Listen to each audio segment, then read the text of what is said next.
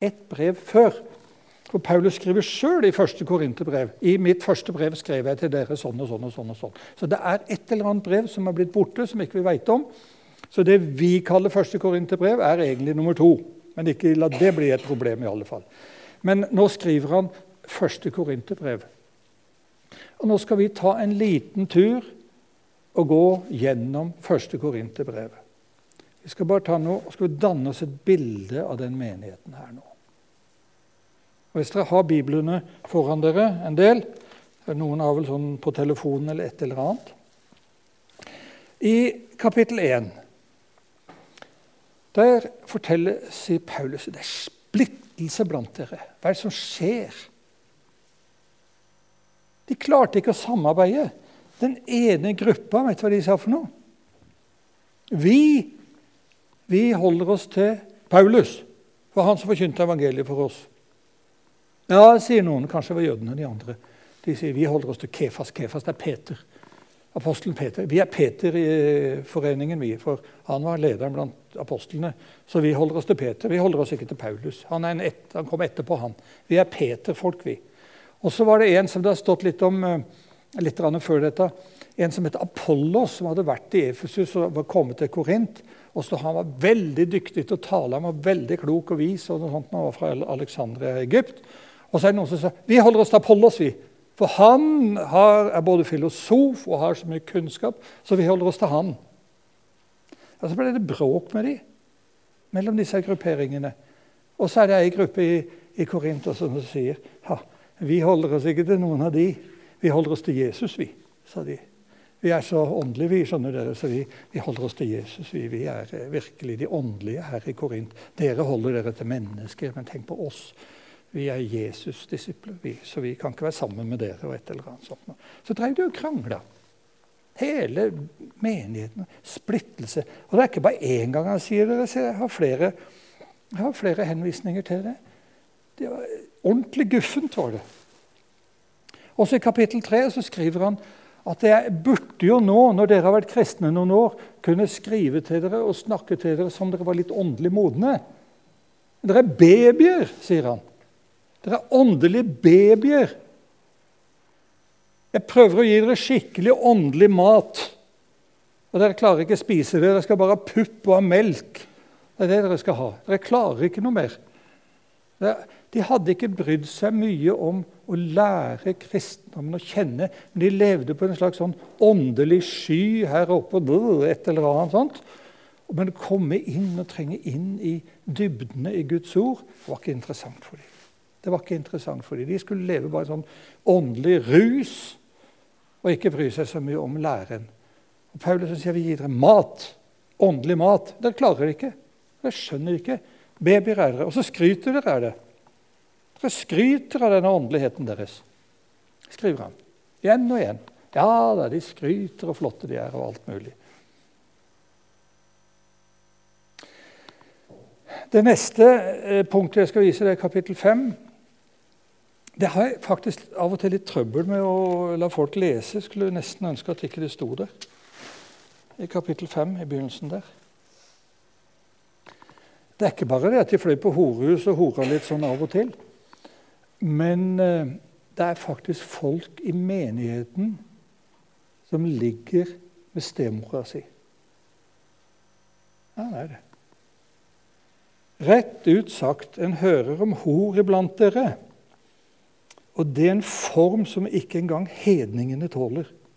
Nemlig at en mann lever med sin fars kone. Og likevel er dere stolte, sier han. Og så står det litt lenger ute i, eh, i vers 6 dere har ikke mye å være stolte av, osv. De skrøt av det. Og Det er guffen, syns jeg, i en menighet. At eh, kristenfolk også på det seksuelle området kan ha sine fall. Det sier Paulus. det Sånn kan det være. Men ikke det greiene her, i alle fall. Og ikke at dere skryter men det gjorde de. De var så fri fra loven, de, skjønner. de var så åndelige at de kunne gjøre nesten hva de ville.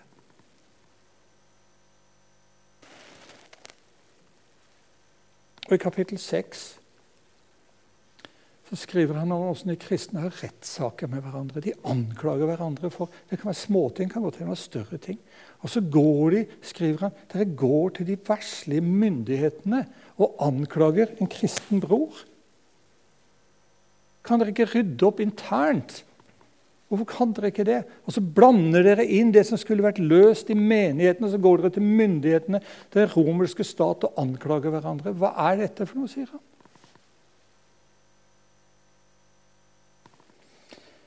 Og i kapittel 8 kommer et kapittel der jeg sa det så vidt i stad om eh, kjøttmarkedet, markedsplassen der de solgte kjøtt. Der solgte de også kjøtt som var ofra til avgudene. Og Det ble også litt vanskelig. Kan en kristen spise kjøtt som er ofra til avgudene? Og Paulus tar opp den problematikken. Og Så sier Paulus jeg tar kortversjonen, så sier han det. Det er ikke noe problem, sier han. Egentlig. For det fins jo ikke avguder. Så det som er ofra til ingenting, det er bare kjøttet. Men så sier han for noen, og særlig for de nye kristne, så blir dette veldig problematisk.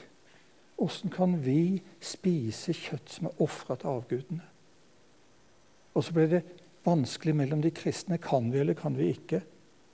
Og så syns jeg Paulus sier noe veldig fint. Jo, han sier sånn rent sånn teologisk så kan du spise offerkjøtt, for det er bare kjøtt. Men hvis det blir et problem for de andre, noen av de andre kristne brødrene og søstrene dine, så vil jeg aldri gjøre det, sier han. Og jeg tenker litt i vår tid Det kan være mange spørsmål som vi kristne også diskuterer. Kan jeg, kan jeg ikke? Og det er mye vi kanskje kan forsvare. Jo da, ut ifra Bibelen så kan vi det og det og det og det. Men det er mange som sier men jeg vil ikke gjøre det likevel. Fordi det kan føre til et fall og bli vanskelig for andre hvis de begynner med det samme. og Så kan det rote seg til, og så kan det bli veldig vrient. Jeg tror det er et godt råd Paulus gir her. Han sier ikke at dere får ikke lov. Han sier ikke det. Men han sier jeg gjør det ikke. Jeg gjør det faktisk ikke. Fordi det kan føre til veldig vanskeligheter for noen andre kristne som ikke er så rotfesta, og som blander dette litt. Kanskje særlig de nye kristne, som har en, et forhold til offertiden da de levde og ofra til avgudene. Og så nå tror de på Jesus og sier ja, men, og så videre. Så sier Paulus jeg gjør det ikke. Men det var også et spetakkel der. Og så klarte de ikke engang å feire nattverd skikkelig. Det var en skikk den gangen at før nattverdmåltidet så hadde de et måltid, et agape, et kjærlighetsmåltid. Før selve nattverdhandlingen. Og så står det her i kapittel 11 i, der, når de skal ha det, det Det fikk de heller ikke til. For det står de rike. De kom med sin mat til dette måltidet. Og så sitter de inne i, ute i hallen her i misjonssalen, enda finere dekt på flott osv. Og, så og, så spiser de. Mette, står det. Og de fattige, de som ikke har noe å komme med, de får sitte ute på fortauet og vente til de blir ferdig med dette festmåltidet sitt. Hva slags menighet er dette, sier Paulus? Skal de fattige sitte der ute mens dere sitter og eter mat og har det flott her inne? Er vi ikke én menighet? Og så er han hard med dem. Hva driver det? Splittelsen igjen. Og noen har løfta seg så høyt over de andre at de kan ikke engang være sammen med dem i det som skal minne dem om Jesu døde oppstandelse. De kan ikke være sammen da engang. Og så har de en uklarhet når det gjelder nådegavene. Veldig uklart. I kapittel 12 og i kapittel 14 så skriver Paulus om nådegavene. Og I Korint så var det noen spesielle nådegaver, og særlig tungetalen, som ble hausa opp som det var det eneste saliggjørende. Bare i, La meg være klar og tydelig nå. nå. Å tale i tunger er en nådegave. Og det er ikke ett eneste stygt ord jeg vil si om å tale i tunger. Hørte dere det nå? Ja. Men i Korint så hausa de det opp som den store tungetalen. Den viktigste tungetalen. De der gjengen som sa vi holder oss til Jesus, vi, for vi er så åndelige. Jeg gjetter sjøl. Det må være de som sier vi taler i tunger. Det gjør ikke alle de andre. Hva slags kristne er de? Men det er vi som er det. Og så blir det sånn A-lag i Korint. Og så blir alle de andre et B-lag.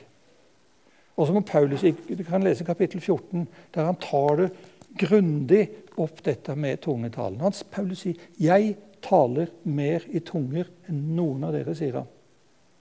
Det visste de ikke. Og han gjør det i lønnkammeret, altså når han ber. Han sto ikke opp og liksom måtte vise sin egen åndelighet. De visste det ikke, men 'jeg taler i tunger', sier Paulus. Og Det er mange mennesker i dag som taler i tunger, men som ikke har noe behov for å vise det. Nå igjen tilbake til Drottningborg. Jeg prøvde å, Det er jo internatskole, det vet de fleste av dere. Og så har jeg prøvd liksom å tenke sånn når en elev kommer hjem og så sier, peker på en av dine, du kommer, 'Har du noen søsken?' 'Ja, det er to småsøsken.' Ja. Og når du kommer hjem da Har vært vekke lenge, så kommer du hjem og så sier du, 'Det var hyggelig å være hjemme igjen og se dere to, mine kjære småsøsken. Jeg er veldig glad for å se dere.' 'Er det sånn dere gjør det?' sa jeg. Nei, er ikke det. Hva gjør dere da? Nei, vi tar dem og så gir vi dem en god klem, sa de. Og så sier jeg når du skal gå ned til Drottningvika Nå er ikke alle som er så lokalkjent her. Jeg har gått på Drotteborg ei uke eller to, og så skal jeg alle ned, og så er det en kveld. og så er det ei eller annen du har kikka litt på litt lenger. Tilfeldigvis så går du ved siden av henne nedover. da. Sånn Prøver litt å posisjonere seg. Må være litt strategisk, gutter. Må skjerpe dere. Eh, og så går du nedover, så dunker du litt borti, og til slutt så går du og leier på henne. og litt sånn, og så gidder ikke å si noe særlig mer. Ei du er sammen med, og som du er litt glad i, står du sånn på meters avstand og sier 'Jeg tror i grunnen jeg har blitt litt glad i deg'? Er det sånn dere gjør det? Det ingen som visste det. Har dere ikke prøvd det? Nei. Hva gjør du for noe? Du bruker et annet språk for å uttrykke følelser. Det norske språket blir for dumt i sånne sammenhenger.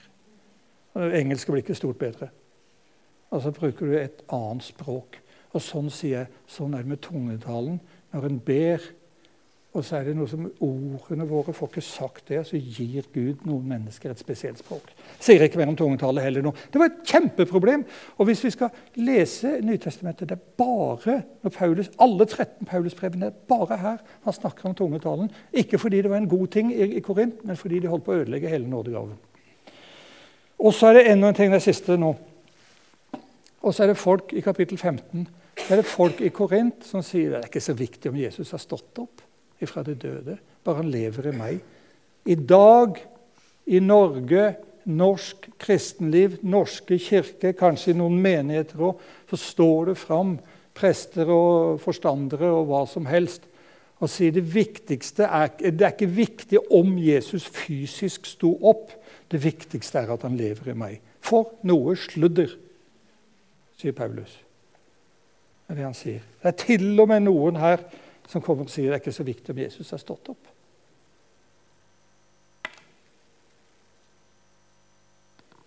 Er dette en kristen menighet? Nå skal det være pause.